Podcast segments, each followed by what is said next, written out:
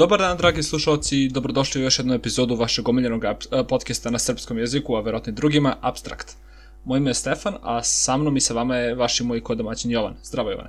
Zdravo Stefane i pozdrav našim slušalcima. Danas napokon pričamo o knjizi koju smo najavljivali već duže vreme, ja bih rekao. Tako, u pitanju knjiga 12 pravila za život, autora Jordana Petersona i Jovane, da li imaš nešto da vam kažeš kao uvodu o knjizi? A, pa, iskreno, raduje me ova diskusija, pošto mislim da ćemo imati i prilično različite viđenje ove knjige, kao nikada do sada.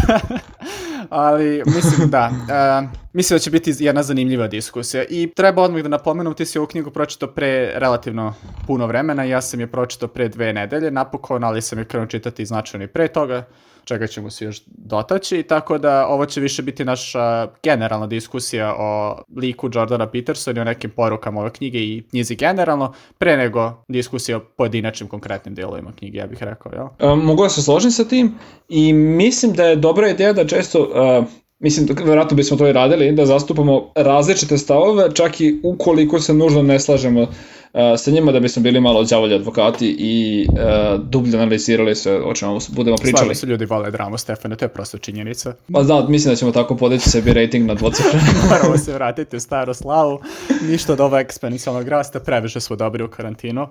To te. Da, to je samo do karantina, pa, ja mislim. No dobro, Stefane, hoćeš ukratko da nam kažeš šta je ideja ove knjige i kako ona strukturisana? Može. Uh, ova knjiga je, kao što je naziv kaže, podeljena u 12 različitih poglavlja. Uh, dobro, nisu u drugim knjigama isto poglavlja. no svakako, tih 12 uh, poglavlja su 12, kako je samo to kaže, pravila za život, koji, kojima bismo se trebali voditi da bismo bili dugoročno ispunjeni, pri čemu sam pazio da ne kažem srećni, o čemu ćemo dalje pričati, mali teaser. I e, tih 12 pravila su onako, tiču se različitih aspekata života i mislim da ćemo kroz prolazak, e, kroz ta pravila e, neko ih dublje ispitati. E sad, delom kao što si rekao Jovane, e, pričali bismo i o samom čovjeku koji je pomalo e, kontroverzna figura u raznim nekim e, stvarima, tako da mislim da ćemo se i odaljiti od teme, od teme knjige povremeno. Da Slažem se, apsolutno i mislim da Drago, drago bi što s tim ovu epizodu stavom, pošto pre sam osetio se da u poslije vreme mi se značajno a, promenilo mišljenje o Jordana Petersonu, a, tako da mislim da će na neki način biti i a, način da se meni nekako kristališu misli koje imam u vezi sa tom osobom. No, ne znam, interesu to te nisam pitao nikada, da li i kod tebe isti slučaj ili im dalje imaš uglavnom pozitivno mišljenje o Jordanu Petersonu?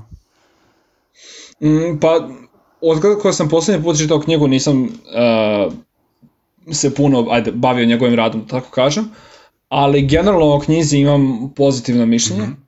i ono, postoje zamerke kao što je za očekivati od svake knjige, ali generalno mislim da, da mi pomaže, e, odnosno da mi je pomoglo kad sam je čitao i mislim da je knjiga, kao što smo spomenuli u prošle epizode, najviše e, ciljana za mlade ljude, šta više, češ, najčešće mlade muškarce, e, koji imaju problem da pronađu svoje mesto u životu, svoj cilj e, i tako dalje. Dakle, pomalo je e, pomalo je, ima za cilj da reši neke fundamentalne probleme kroz koje možemo uh, nailaziti tokom života.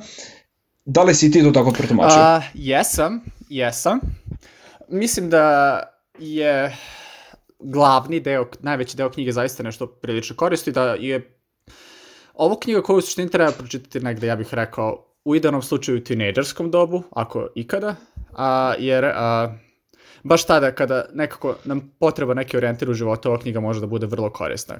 Rekavši to, moram odmah da napomenem, i to je nešto što ću otići malo dubinu, ima delova ove knjige koji su po meni duboko problematični i iako mi se na početku dopala i prosto nisam, nisam očekivao da će tako nešto biti na kraju, ali ja, ja prosto nisam siguran da ovu knjigu mogu da preporučim ljudima i trenutno sam bliže da je ne preporuče, pošto iako imate neke stvari koje su jako dobre, plaše se da isto tim ljudima, dakle ljudima koji nemaju orijentir, baš može da nametni neke ideje koje nisu baš toliko jasne kao činjenice, ali dobro da ne skačem pred rudu tako brzo. uh, Samo jedno generalno pitanje, uh, da li si osetio dok si čitao knjigu da i autor delom pokušava da ti kao uh, pruži podršku, ako ne konkretno savjetim onda na ovako neki emotivan način. Pošto se i to, i to meni čini da je donekle cilj da uh, ti kaže kao nisi sam na ovom svetu. Da, da, is, uh, mislim da da. Mislim svakako da da i uh, rekao bih da autor uh, nema želju da manipuliše i da govori neistinu, jel, što je isto bitno jedno od pravila. Mislim da on govori istinu, svoju istinu kroz cijelu ovu knjigu i misli da je iskren kroz knjigu, ali opet nije namera jedino što je bitno, bitno i rezultat, jel? Dobro, uh, slažem se i mislim da bismo mogli onda početi sa samim pravilima i prolazkom mm -hmm. kroz knjigu. Uh, kao što smo rekli u prošle epizode, nećemo toliko objašnjavati o čemu se radi u knjizi, nego ćemo samo uh, da. spomenuti vrlo, vrlo osnovne stvari i dalje ćemo krenuti u diskusiju koja je uh, manje ili više vezana za samu knjigu. I uh, prvo pravilo kaže uh, stoj uspravljen sa leđima nazad. Uh, u mom uh, ad hoc real time slobodnom prevodu. Da, moram odmah da kažem da mi se ovo pravilo vrlo dopada i a, znam da se sad tipa da zvuči kao prosječna tinejdžerka, ali jako volim kada pravila mogu da se protumače i doslovno i figurativno i ovo pravilo mi se dopada i doslovno i figurativno. Tako da, što se ovog poglavlja tiče od mene, dva palce gore, svaka čast. E, drago mi je, ja se isto slažem i mislim da se može drugčije preformulisati kao drži do sebe. Da, ali takođe ono stoji uspravljeno i mislim da je i ovaj doslovno, doslovan, a, doslovno shvatanje ovog pravila takođe bitno i zato i govori o tim jastozima. Ja mislim da ako neko zna o Jordanu Petersonu bilo šta, to je da voli jastoge, jer on je bio onom čuvenom Kate Newman intervju, gde so what you're saying is gde pokušava da mu prosto nametne stvari u usta ko on je rekao i to je, mislim, zbog toga je poznato ovo pravilo, ali u suštini pokušava da kaže da čak i jastozi koji su postali pre toliko mnogo miliona godina, kad bukvalno nije bilo ni drveće na ovoj zemlji, dakle čak i oni sa nama dele neke elemente nervnog sistema. I hoće da kaže, i time već od jastoga postoji nešto što se zove, jel, hijerarhija, kako bi su to preveli, Stefane, pomozi, znači hijerarhija uh, moći, jel? Pa neka društvena lestvica, možemo i tako reći, da. moći ili društvena lestvica, da. I mislim da ovo pravilo, dakle, tu se uspostavlja ta ideja da postoje hijerarhije ili društvene lestvice, bez obzira da li mi to želimo da priznamo ili ne, one su tu, razumeš? I hteo da učestvuješ ili ne, bit ćeš deo neki te lestvice. I to, to se slaže. Mislim da iako je to kontroverzno, kontroverzna stvar, ja bih rekao, barem nekim ljudima, mislim da je dobro da autor to priča na ovaj način koji je prilično razumljiv, a tačan. Tako da... Slažem se, mislim da, da je to prisutno u svakom mogućem domenu našeg života a, i, i kad izađeš u grad želiš da se ono, dopadne što većem broju ljudi, ako si na ne znam, u školi ili ti stalo ti je da takav karijere, želiš da tamo budeš najbolji i decu, decu kada vidiš u vrtiću, opet se na neki način nadmeću ko je brži, jači, bolji i tako dalje. Da. Tako da mislim da, da nekako je očigledno da je to prisutno i samo bih dodao mali osvrt na ovo, na ovo bukvalno tumačenje. E, mislim da delo je pomalo glupo da ono, slušamo savjet o, o zdravom držanju kičme e, u nekoj ovakvoj knjizi. Međutim, ja sam uveren da, da to zapravo ima prilično veliki značaj, mm -hmm. pošto po meni, e, ajde da kažem, motivacija i uticaj na svoje raspoloženje je stvar koja može da se vežba i koja treba često se radi aktivno. I vidio sam, mislim, vidimo, ne znam, tenisere kada igraju, kada osvoje neki bitan poen, pa onako pokušavaju se hajpuju, uh, viču, pesnicom uh, bodu u vazduh i tako dalje. To često nije zato što su oni tog trenutka hajpovani, i ne mogu da se suzdrželi šta god da im je taj razlog, nego žele da nastave u tom trendu ili ako im ne ide žele da ono se po svaku cenu vrate nazad u meč i tako žele da se ohrabre i tako dalje, daju sebi neki vetar u leđa, e, što mislim da ovim e, držanjem, e, stojanjem ispravno i držanjem leđa, leđima nazad nekako utičemo na naše samopouzdanje uh, slično što se tiče raspoloženja um, na analogan Slažem način. se, apsolutno. I da, prosto tako tim držanjem dajemo signal i drugima i sebi. Sada, nauka iza toga je malo shaky, kao što znamo, onaj najpoznatiji TED Talk, Stefan, ne znam da si slušao u vezi sa tim power poses, kao nekim pozama moći koje navodno utiču tvoje samopouzdanje. Kad su posle reviewovali tu studiju, nisu mogli da reprodukuju rezultate, ali nekako zvuči, zvuči kao da ima nešto. Prosto pogledaš sebe pa ti deluje da je tako. U svakom slučaju ne škodi da izgledaš dobro i da se ne kriviš. Tako da dobro pravno. Da, i kad kaže ono nasmej se makar na silu, pa pretpostavljam da, da, da ima nešto u tome. Da, da, apsolutno, apsolutno se slažem. E, dobro, hoćemo da nastavimo dalje na drugo pravilo. Važi, sledeće pravilo kaže u mom uh, ad hoc real time prevodu u zagradi trademark uh, tretiraj sebe kao nekog za koga si, za čiju pomoć si zatužen. O, obožavam, ovo, mislim, ovo mi je isto odlično pravilo, moram da kažem. I meni se dopada. Da skratimo, long story short, što se tiče ovog pravila, ljudi često zanemaruju neke osnovne potrebe svoje mhm, lične, mm -hmm. jer ih mrzi ili iz bilo kog drugog razloga. Međutim, kada je neko drugo u pitanju, onda brže bolje trčimo da mu pomognemo. I kao što autor kaže, prećemo odvesti psa kod veterinara, nego se setiti da popimo lek koji nam treba. Mm -hmm. I sad, ja sam očekivao da ćeš ti kroz njegovo objašnjenje e, da, da, da, ćeš ga, da se tebi neće dopasti. Objašnjenje, da, mo, imam sva što da kažem o ovom objašnjenju, ali hajde reci mi kako na tebe. Hajde slušam. Ne, ne, hajde reci mi kako je tebi delovalo objašnjenje i reci ti slušalcima na koji način autor obrazlaže ovaj, ovo pravilo. Važi, uh,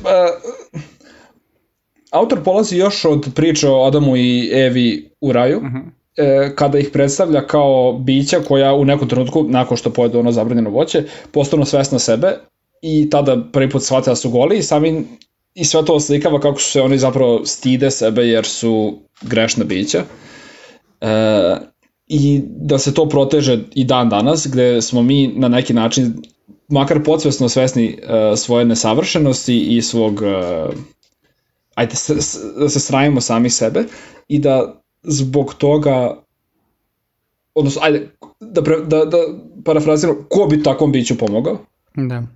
Ali nisam siguran šta da mislim o tome. Malo mi je nategnuto. Uh, sada, što se, što se tog tiče dela, i ovo je nešto čemu ću pričati još kasnije, autor češće nego ne, da se tako preve, da tu kažem potpuno ne englesku izjavu, na srpskom, dakle, a, se poziva na Bibliju kada obrazlaže svoja pravila. I mislim da u ovoj, u ovoj, a, u ovom pravilu konkretno to negde ima smisla, zato što prosto, ho, prosto hoće da kaže da ta, ta pojava prosto, eto, ne znam, neko se izleči od uh, izleči od neke velike bolesti, recimo jetre, tako što dobije transplantaciju, neko tuđu jetru i ono čeka i neko drugi ne dobije jetru i umre zbog toga i onda sve što treba da pije lekove da antitela naša ne bi odbacila tu presađenu jetru, ali ta osoba ne pije lekove i umre. I sada prosto deluje kao kako je moguće, kako je moguće da prosto čovjek tako dugo čeka da bi dobio jetru i onda kada je dobije samo ne može da uzme lekove. I, i onda kreće te ne, neki način paradoksalne situacije, on kaže, hej, ovo uopšte nije paradoks, pogledaj, bilo je od uvek,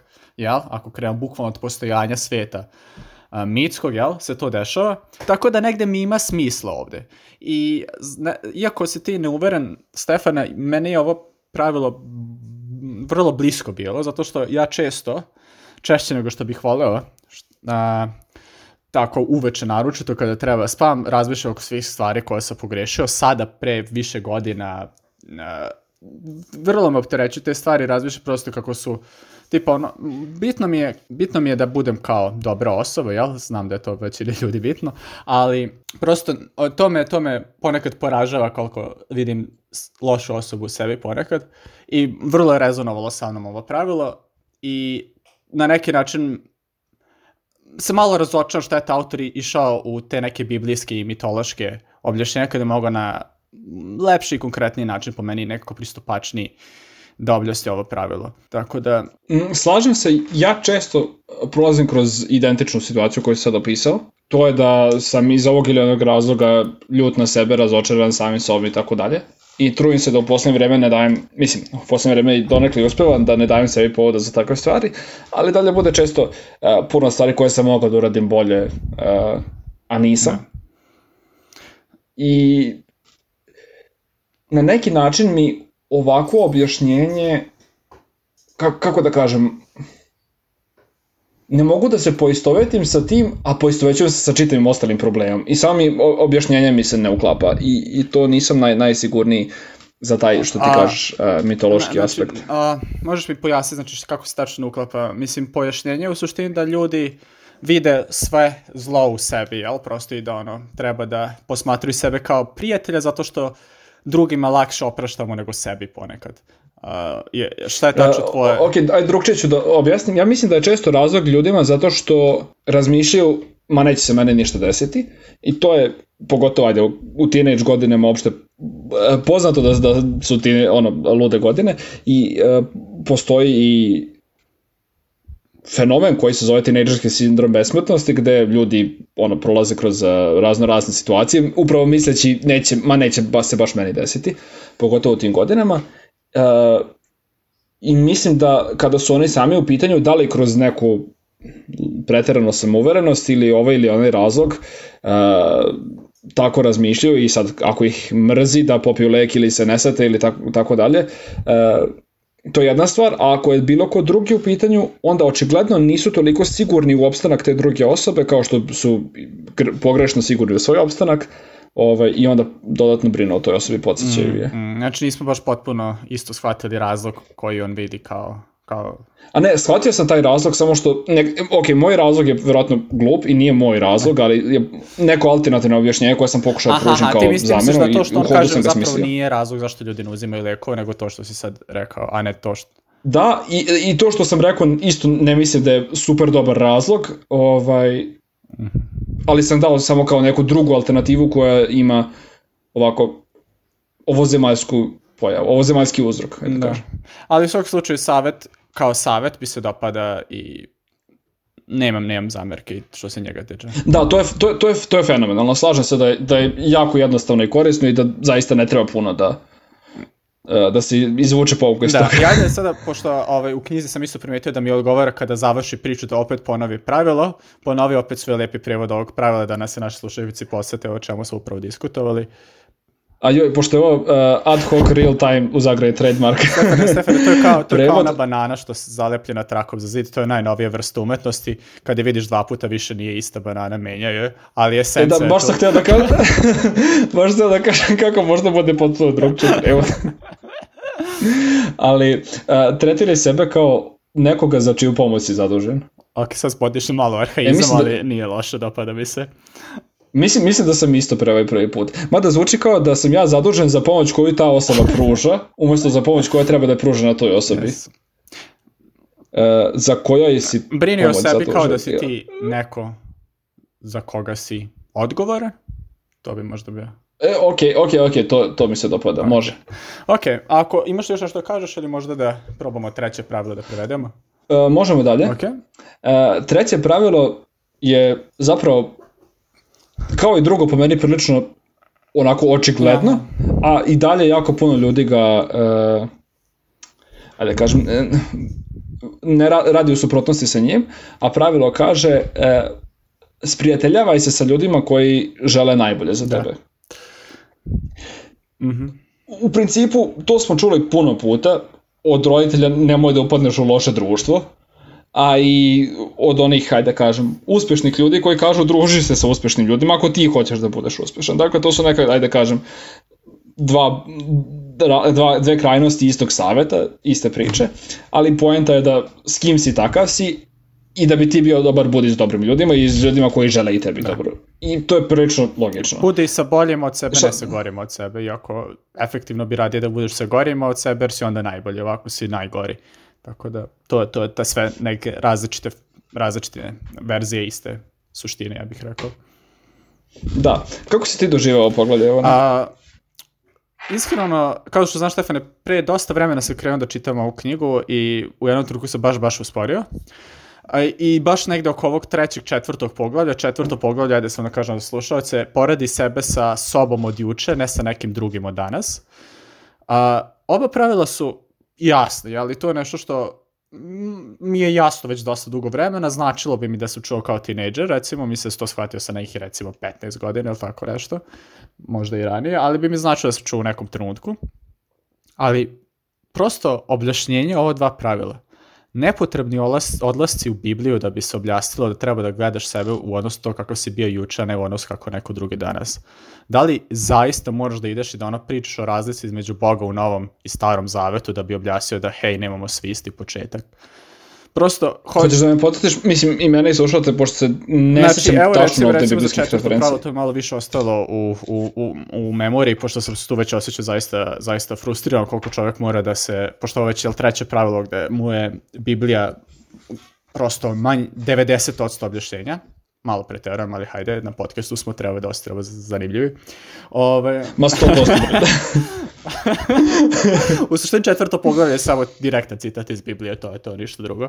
Ovaj, a, direktan prevod hebrejskog sa nekim posljednim fusnotama, to je jedino otro da.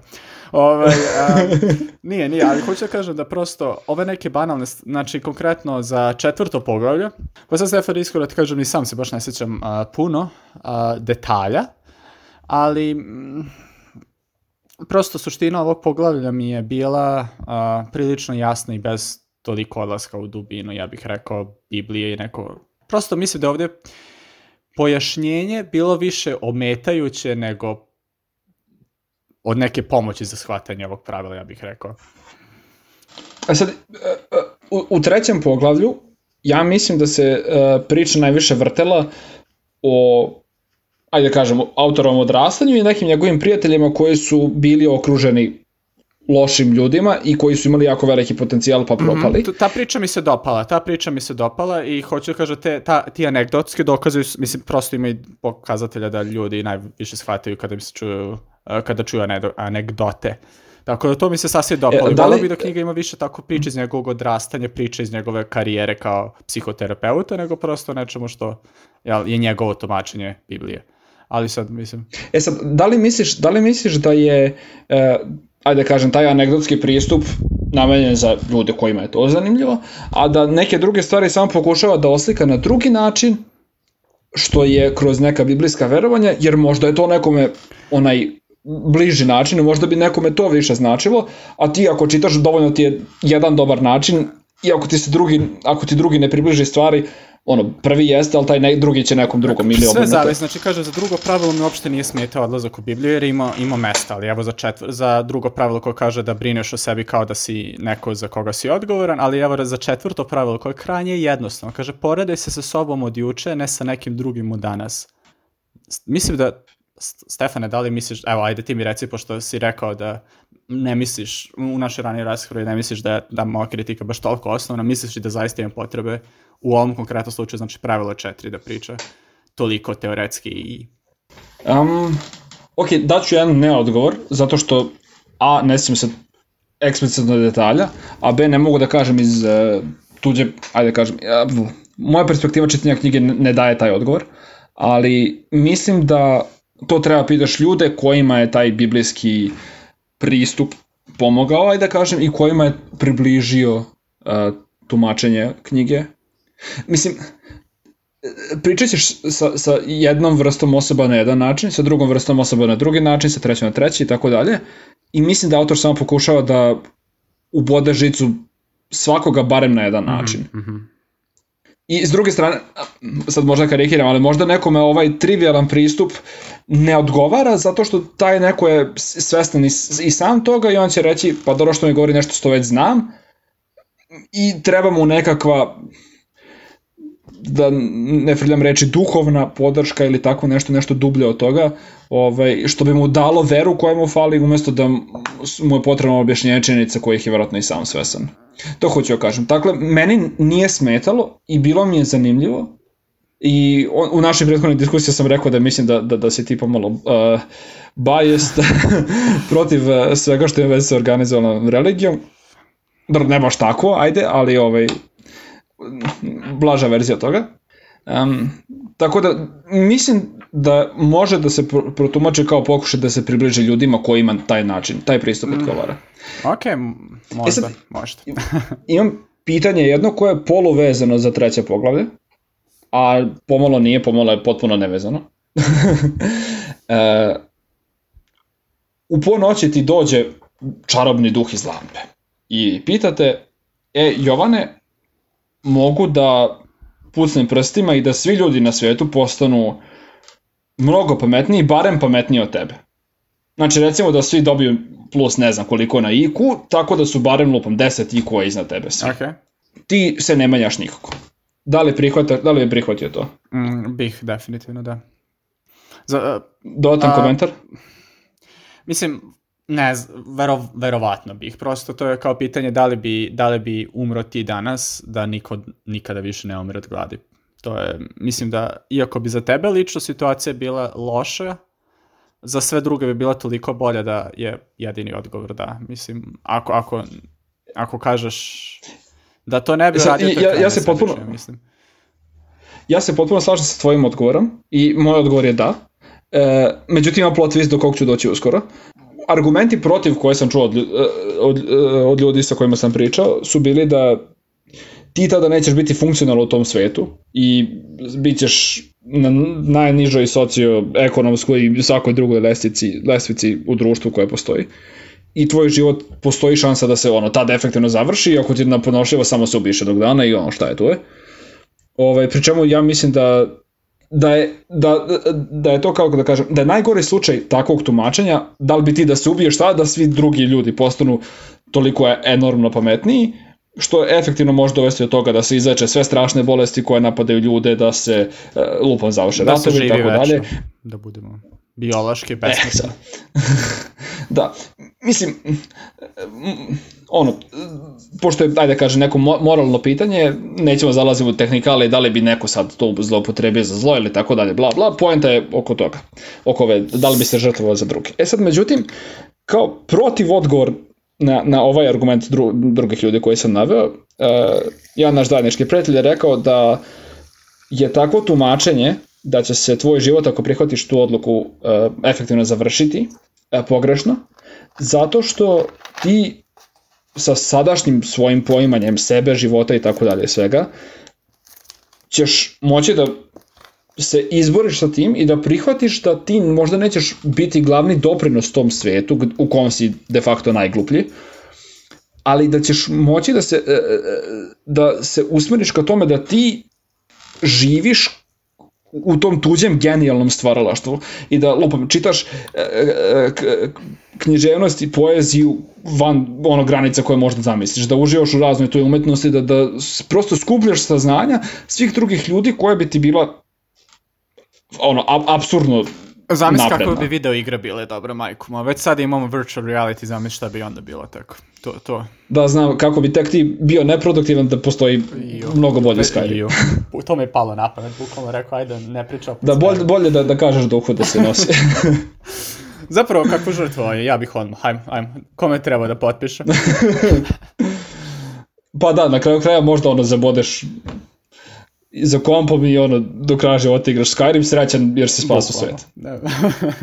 to će vjerojatno Ti biti si neki. Universal Basic Income, ne moram ni da radim. Milina. Može. Da. Je zapravo priča dobar E, dobro, comeback. ovo je bila malo digresija. prijatelju za taj. Svaka Šta čast kažeš? našem zajedničkom prijatelju za tako dobar kontraargument. Da, mislim da je to prilično optimističan, daj da kažem, plot twist na koji sam... A, a, bio je povezan sa ovim zato što pričali smo ono u društvu gde treba da si sa ljudima boljima od tebe i onda me podsjetilo. Mhm. Um, tako da završ, ja bih time završio sa ovim trećim pravilom. Um, četvrto, o kom smo pričali, porede sebe sa kim si bio juče, ne sam uh, tim ko je neko drugi danas, po meni ima dve vrlo efikasne emotivne note. Prvo je da um, svi smo pomalo nostalgični za stvarima kojima smo se mi divili i na neki način ne želimo da ih drugi stvari nadmaše. E, I ako, kao što autor kaže, tvoja mama pravi fenomenalnu gibanicu, ili američki ekvivalent neke pite, to u modernom svetu ne može da se poredi sa ne znam kakvim, e, ajde barem u društvu ili ekonomski ili po popularnosti ovo ono, sa ne znam kakvim restoranskim jelima nekih drugih svetskih priznatih kuvara. Ili e, najbolje lupam košarkaš u, u tvom rodnom gradu verovatno ne može da se poredi sa ne znam kime na svetu, razumeš? Ali to je, to je poenta da e, uvek će postojati neko ko je daleko iznad granica veštine u nečemu koje ti poznaješ i da na to ne treba da se obazireš. Uh -huh. I da ako sviraš gitaru da ne treba da se porediš sa Jimmyem Pageom, kao što je rekao autor, uh, nego da, da se uopšte ne, ne, ne porediš sa drugima po pitanju kvaliteta tog što Tako radiš. je, ne znaš, ne znaš odakle su oni krenuli, prosto ne znaš ne znaš, niste krenuli s istog mesta, onda je prosto glupo porediti s koje stigo dalje.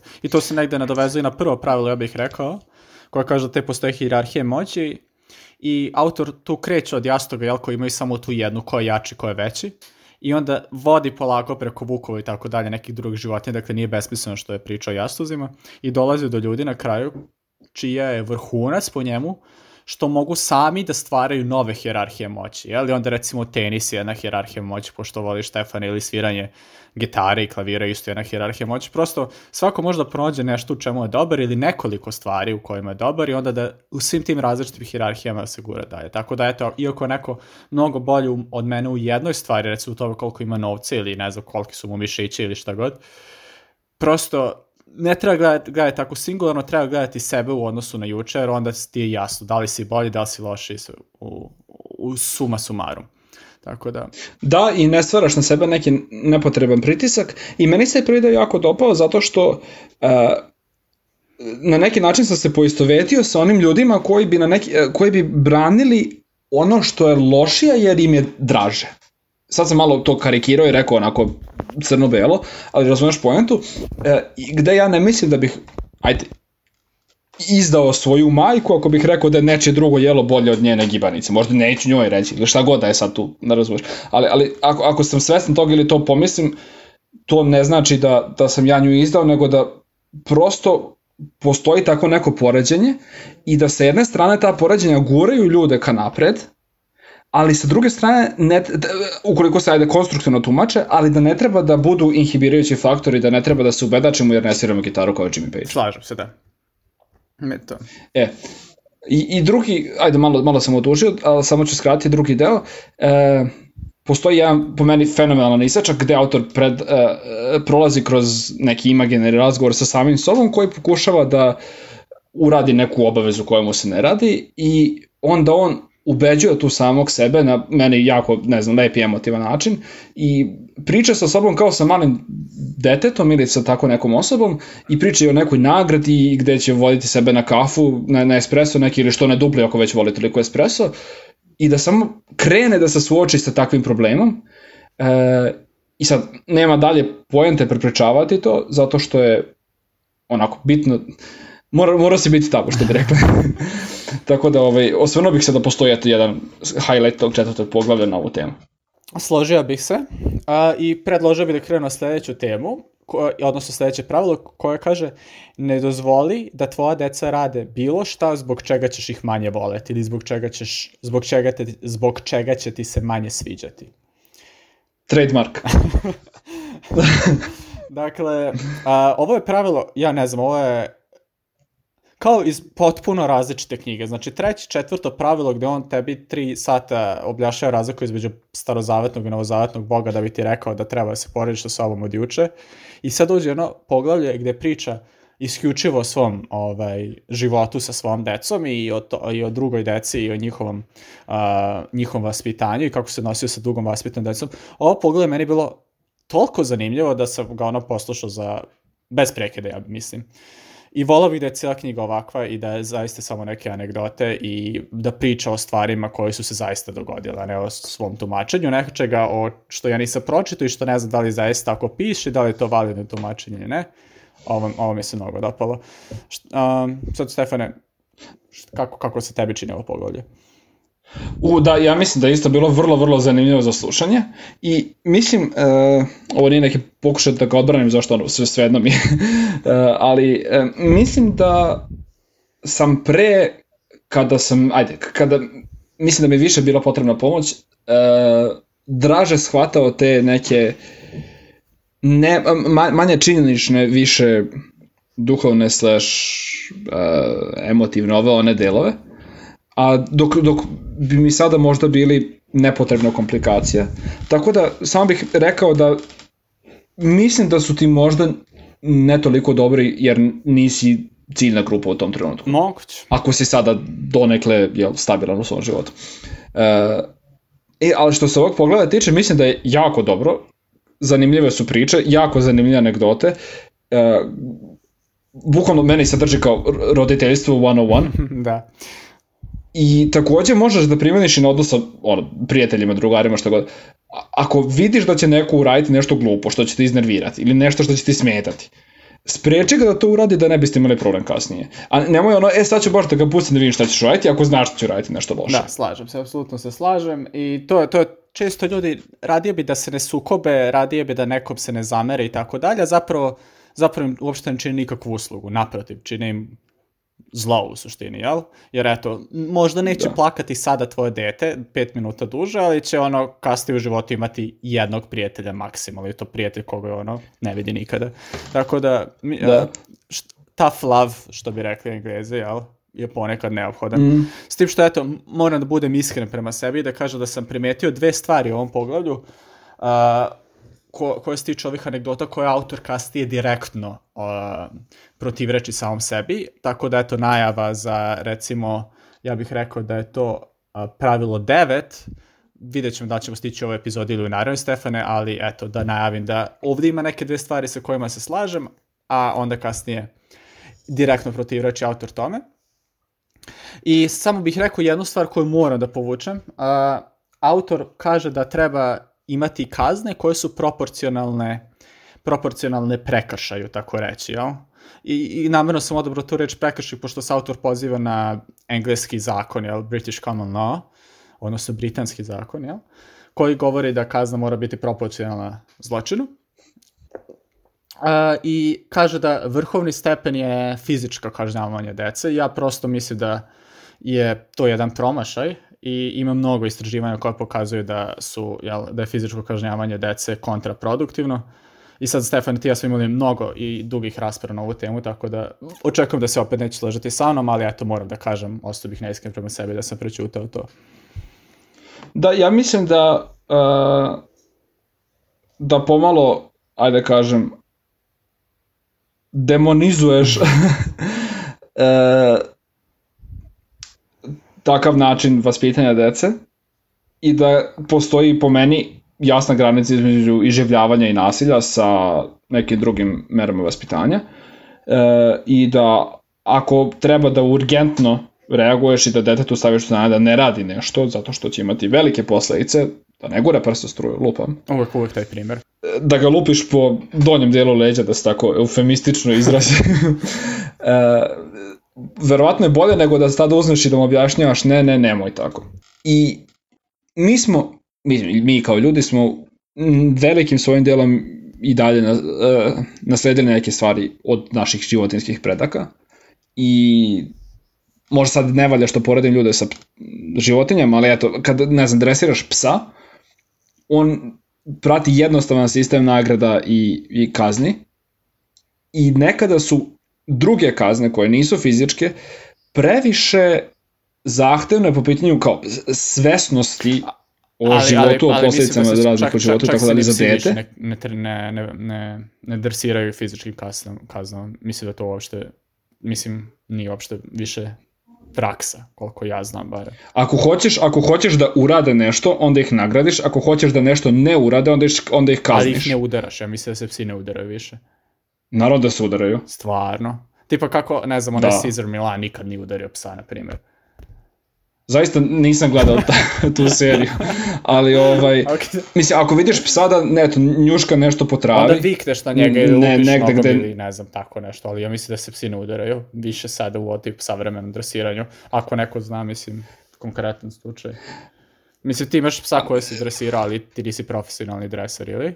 Nisam, nisam, bio, bio je tu dreser, e, međutim ja nisam bio prisutan, tako da ne znam kako se to dešavalo, ali uh, iz drugih priča znam, evo, pas kad ide njuška negde gde ne bi trebalo, zašto lupam ima stakla, potencijalno lupam otrov za, pacove, šta god da, da je razlog, zašto ne bi trebalo da njuška jede stvari sa zemlje koje naiđe negde. Mm -hmm. Ti ako mu sad kažeš ne, on će pomisliti, aha, ovo nije big deal, čim je rekao samo ne. Ako ga lupiš po zadnjem delu leđa. ovaj, on će taj bol shvatiti kao neku reakciju jer reagovaće u skladu s tim i shvatit će aha ne, to ne treba. Okay. Ok, Razumeš? moguće da iskreno nemam nikakav izvor, samo sam pretpostavljao da se to više ne radi. Tako da volao bih, eto, ako imaš kontakt sa tim dreserom ili znaš bilo koga, baš me interesuje kako sad ovaj, izgleda. Da li si išta promenila poslije godina, da li su ova A Da. ovi pokreti za prava životinja i kako uticala na dresuru i ako da, na koji način. To bi me baš interesuje. E da, na, naravno, naravno, naravno. Van svake diskusije da sam protiv bilo kakvog nasilja nad životinjama, ma ma bilo kojim živim bićima, ali ako je pitanje da li ćeš ti lupiti psa nekoliko puta rukom, što, će, što ga neće ni boleti skoro sigurno, iz mog poznavanja pasa sa kojima sam ovaj, imao kontakt, i da će oni to shvatiti, i neće pojesti potencijalno staklo ili tako negde i uleti i, i umreti bolnom smrću kroz agoniju, uh, kako demagoška priča. ovaj, da, mislim da je to dobar trade-off da ga ti lupiš da ga malo zaboli, ovaj, da ne pojede nešto što ne bi trebalo da pojede. Da, mislim, ne mogu, bukvalno ne mogu da se ne slažem sa ovim, ali mislim da decu ipak ne treba tući i da možda ih i drugačije kaziš, možda vičeš na njih, niko ne voli kad neko na njih viče, ja bih... Ali, jel, je, s druge strane, tako ćeš ostaviti neki polutrajni psihološki trag potencijalno, govorim pomalo na pamet, ali šta mi pada na pamet sada, E, o- ostavit ćeš neki trajni psihološki trag, a ako ga samo čušneš, ne po licu ili recimo, to ne bi trebalo da ima nikakve dugotrajne posledice negativne, samo ćemo shvatiti do znanja, ne. Ne znam, nis, ne mogu da se slažem ove, i kažem, možda bismo mogli da pogledamo kao šta kaže state of the art uh, jel, nauka, psihologija s tim u vezi, jer ovo sve ostalo su mažnje više naše mišljenje anegdote. A, Mislim da se emotivno ne slažeš. ne slažem se ni Ali da emotivno, činjenice ni nisu na tvojoj iskreno. strani. Mislim da ni što- emotivno ni racionalno. Iskreno mislim da je kontraproduktivno tući decu. ali je psihološko... Ok, ja mislim da je, ako vičeš na dete dovoljno, da je to psihološko, da može da, da je bliže nasilju psihološkom to, nego što je blizu fizičkom nasilju da ga lupiš po guzi. Ne ne znam, stvarno. Mislim da je vrlo lako Mislim da ne treba uopšte ni ići u tom smeru. Mislim da prosto je to barijera. Ne kao, uh, da li si ga udario, ne znam, a, metalnom a, šipkom ili ciglom ili kajšem ili samo rukom ili malim prutom ili debelim prutom. Mislim da uopšte ne treba da idemo u, u, i da prosto ne treba udarati decu. Mada ono što ja znam, možda stvarno treba ubijati decu.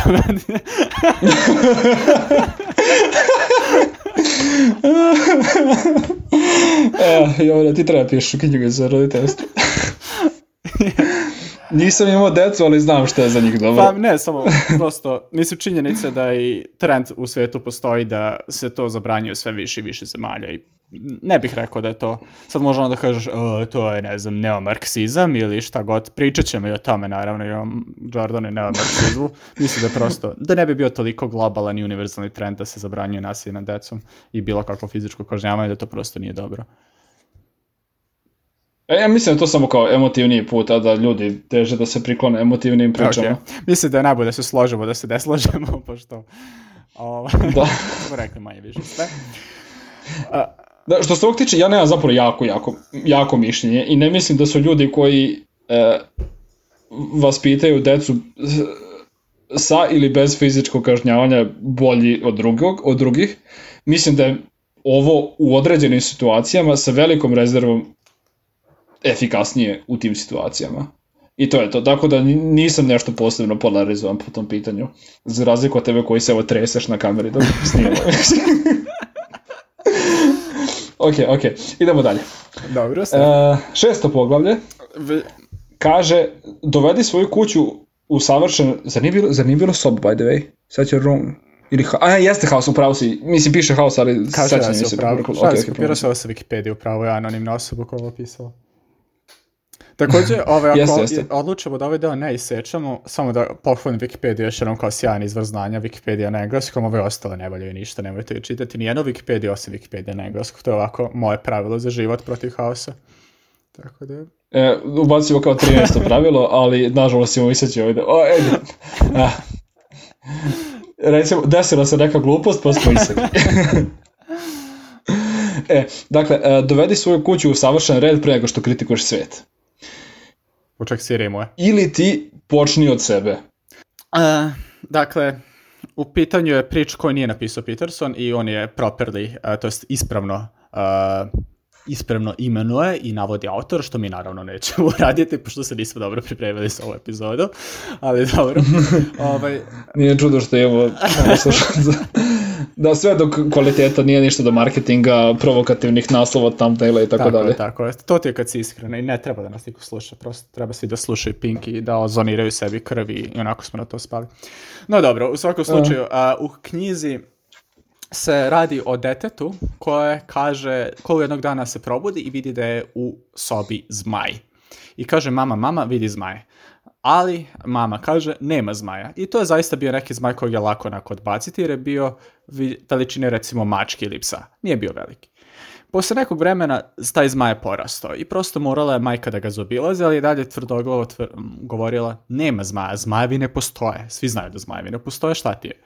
I onda je vremenom još malo više porastao i okupirao i celu sobu i onda je majka morala da ne ide u tu sobu, da ide negde drugde da kači veš i tako dalje, da gleda TV i tako dalje, ali je to jedna soba, nije cijela kuća. I onda je vremenom zmaj rasto, rasto, rasto i Pera je ukupno, ne znam da je Pera, ali recimo da je Pera je govorio mama, mama, zmaj, ali mama govorila zmajevi ne postoji. Onda je mora da izlazi kroz prozore da bi usisavala i ulazi kroz drugi prozor da bi prosto mogla da se kreći iz jednog dela kuće u drugi deo kuće. I stalno govorila nema zmajeva, zmajevi ne postoje, da bi jednog dana Stefane šta se dogodilo, evo, prepuštam ti klimaks. Uh, po mom sećanju zmaja porastao i ono, počeo da nosi kuće sa sobom. Da, počeo da nosi kuće sa sobom i onda je napokon priznala mama, ok, postoji zmaj i tada je zmaj krenuo da se smanjuje i onda pitaš, pitala mama kako se krenuo smanjivati, na što je Pera rekao, ne znam, možda je samo želeo da ima pažnje. I to je po meni prilično, prilično jednostavna je za shvatiti, a efektivna priča i volao bi da smo je malo manje osakatili, ali zar to nije umetno, Stefane? Zar nije naše tumačenje ove priče podjednako vrijedno kao i priča, prosto dali smo svoju dar, čar ovaj, ovoj priči. Da, mislim da, da je svako, svaka interpretacija, svako čitanje neke priče jednako vredno kao i to samo umetničko delo i banana koju bih ja zalepio na zid vredi kao svaka druga banana zalepljena na zid. Majko im Tako yes. um, inače, ovaj, kad su već kod fanfikova koji su, bo, to jest tumačenja, ajde i tako stvaralaštva, ove koji su bolje od originala, preporučujem svima koji znaju bilo što o Harry Potteru da poslušaju My Immortal, što je najbolja fanfic priča ikad objavljena. Konkretno ima od internet historija na YouTube kanala uh, animirana verzija te fanfic priče. Um, No dobro, ovo nema veze ni sa kim, samo mora se to ubaci, pošto je genijalno i svi neko ovo posluša. ok, zaintrigiralo me kao velikog uh, fana priča o Harry Potteru. Naj, naj, da najbolja fanfic uh, priča ikada. No dobro, u svakom slučaju hoću da, hoću da se vratim na ovu priču sada i da kažem da mislim da je ova priča vrlo efektivna, jer naročito ako posmatramo, evo recimo, zdravstvo. Ako nas boli zub sada, malo boli, ali nema veze, ono, ko će ići do zubara, i ono, ne volim zubara, i ono, čekat ću u redu, ima ono, odrada miris i tako dalje. I vremena posle taj bol češći i jači i onda na kraju već bude kasno, mora da se buši, mora da se ide do živca, da stavlja lek, duže traje lečenje, više boli, ponekad si ne, sp ne spasi zub, na primjer. Ima, nažalost, je mnogo gorih primjera iz zdravstva i prosto baš mi se dopada ta priča i ima mnogo, mnogo različitih prilika gde Jordan Peterson čita ovu priču i sa razlogom, vrlo je, vrlo je efektivna i dosta dobro ovaj, uh, oslikava ovo pravilo, ja bih rekao. Mislim da je drugi način da se sažme ovo pravilo, nemoj trpati stvari po tepih, mm -hmm. odnosno probleme, pošto će se nagomilati i tvoj zmaj će porasti i... ok. e, i, i, u ovom poglavlju, ako se ja dobro sećam, što možda nije tačno, autor iznao neke e, priče iz svoje kliničke prakse koje su bile vrlo zanimljive o osobama koje su ispoljavale uh, obsesivno kompulsivni obsesivno kompulsivni poremećaj uh, imali su neke probleme koji su se krili duboko iza svega toga mm -hmm. a oni su se osjećali Mm, ljudi na svet, manje više, tako ću reći. Odnosno, sve im je nešto smetalo. Ili imali su konkretnih problema prema određenoj, da, da, imali su konkretnih problema prema određenoj osobi, međutim, to je imalo neke svoje uzroke duboko iza i mislim da je vrlo zanimljivo, ajde da kažem, i vidjeti neki pomalo ekstreman slučaj toga kakav je bio u toj kliničkoj praksi. Tako da ovaj, to bi eto bilo zanimljivo za A ta klinička praksa sam procetila na nešto što sam zaboravio da kažem, a u ovom poglavlju sa decom, a to je to a, koliko je bitno ne dozvoliti sebi da postaneš resentful. Stefan, kako, ja iskreno ne znam kako se to kaže na srpskom, da li ti možda imaš neki prikladan prijevod? Ozlojeđen, ozlojeđen možda to, ali ogorčen. Ozlojeđen. Da, da, ja mislim da sam ozlojeđen pričao kao za, ogorčen. Za, zanem, zanemariti nekom. Da, ali ozlojeđen, dobro, da. Ok, Stefane, kad sad, drago mi da si spomenuo to, taj slučaj a, para o kojem je pričao autor, jer sam se setio nečega što sam zapravo hteo pomenuti još u poglavlju o vaspitanju dece, dakle ne dozvoli svoje deci da rade bilo šta zbog čega ćeš ih manje voleti. A to je to koliko je bitno da kažemo šta nam smeta odmah i da se jasno izrazimo šta, a, šta želimo da se promeni, jel? Jer ukoliko neko nešto radi što nam malo smeta, ali ona preživećemo, nećemo da svađamo oko, ne znam, prljave čarape na veš mašini ili tako nešto, razumeš? To je dobro, na veš mašini treba da bude, ali na stolu u kuhinji. ovaj, a, ili tako nešto. Skupe se male stvari i onda dođe do to, uh, toga što autor često spominje i često ga i citiraju, sad Steph ti si bolje imitaciji njega, ali then you grow bitter and resentful. And it's so sad, man. dopalo mi se. U svakom slučaju, hoću da kažem da ukoliko neka... Ovo mi se jako dopalo. Hvala, Stefane. što me podržavaš u mojim najnižim časovima. U svakom slučaju. Neka, neka. Ovih... Naše voice acting karijere i dalje postoje, odnosno nade za njih. Da, da nismo već jednocifreni, sad bismo bili. U svakom slučaju, hoću da kažem da resentfulness, odnosno kako bi se na srpskom prevaro ozlojeđenost je nešto što je najgore. Jer eto, ako trpimo svoje dete kada je razmaženo i bezobrazno, da ga ne bismo još dodatno kinjili, onda ćemo kasnije postati ozlojeđeni i onda kad uradi nešto zaista lepo i dalje ga nećemo pohvaliti, nećemo reći da je dobar dečko ili šta god, nego ćemo onako biti, eh, jer smo zapravo nesvesno ili polusvesno ili šta god, i dalje smo ljuti na njega, ozlojeđeni smo. Dakle, jako je bitno biti iskren prema sebi i prema drugim u vezi sa time kako se osjećamo i šta nas smetamo. To je baš jako bitno. I mislim da autor sa pravom to toliko napomenje i to je nešto čega sam bio svestan ranije, ali ova knjiga mi je pomogla da zapravo još više cenim to koliko je bitno izražavati a, šta ti smeti, šta bi želeo na jasan način i sebi i drugima. Tako da eto, o, to je definitivno nešto zašto mi je ova knjiga zašto smatram da je ova knjiga korisna, jel? To je, to je prva stvar. Jel imaš... Da, složio bih se, e, um, mislim da sam viđao slučajeve kada, kao, kao da roditelji tačno paze da li će dete nešto uraditi i onda ako dete uradi nešto pogrešno, da neće oni biti sreći, ali kao da jesu na neki način zadovoljni što, što mogu da napadnu da, to dete da, za nešto, da. razumeš? E, I sad to, sad, opet ja, ja ih sad malo demonizujem kao što si ti pre, uh, ali mislim da je, da je to jedna posledica, uh, ajde da kažem, ako dopustiš da dete radi nešto zbog čega ćeš ti pre ili kasnije biti ozlojeđen, uh, u problemu se treba da, da, da se to izbegne. Da, drago mi da se slažeš Stefane i da, mislim, još jedno bih samo da pone, pošto je jako važno, meni barem, uh, značaj da ne, bud, da ne dođeš u situaciju da budeš ozlođen, da ne dovodiš druge ljude koliko može, naravno svako odgovara za sebe prvenstveno, ali ako primetiš da neko se ponaša prema tebi na ozlojeđen način, pokušaj da direktno govoriš o tome. Ove, iako to naravno nije lako, jer svako ima svoj ponos, svako ima o, osjećaj da nije on taj koji treba da krene u proces, proces pomirenja i tako dalje, u proces promene odnosa i to nije lako, ali eto, to je nešto čemu treba razmišljati, jer mislim da je jako znači da se isplati.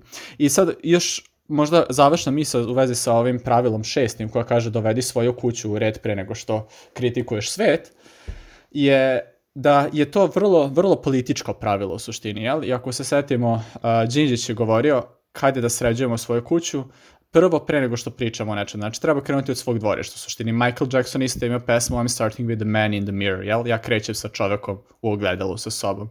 To je jedna vrlo bitna ideja i prosto ovaj, to se trudim da primenjujem i ja donekle i da, iako mislim da je, ajde da sad ne budem kao tipičan tipičan student koji je otišao u Austriju i sad odjednom je on prekulturan i prepametan i tako dalje, ali prosto ima stvari u ovoj zemlji koje su prosto loše.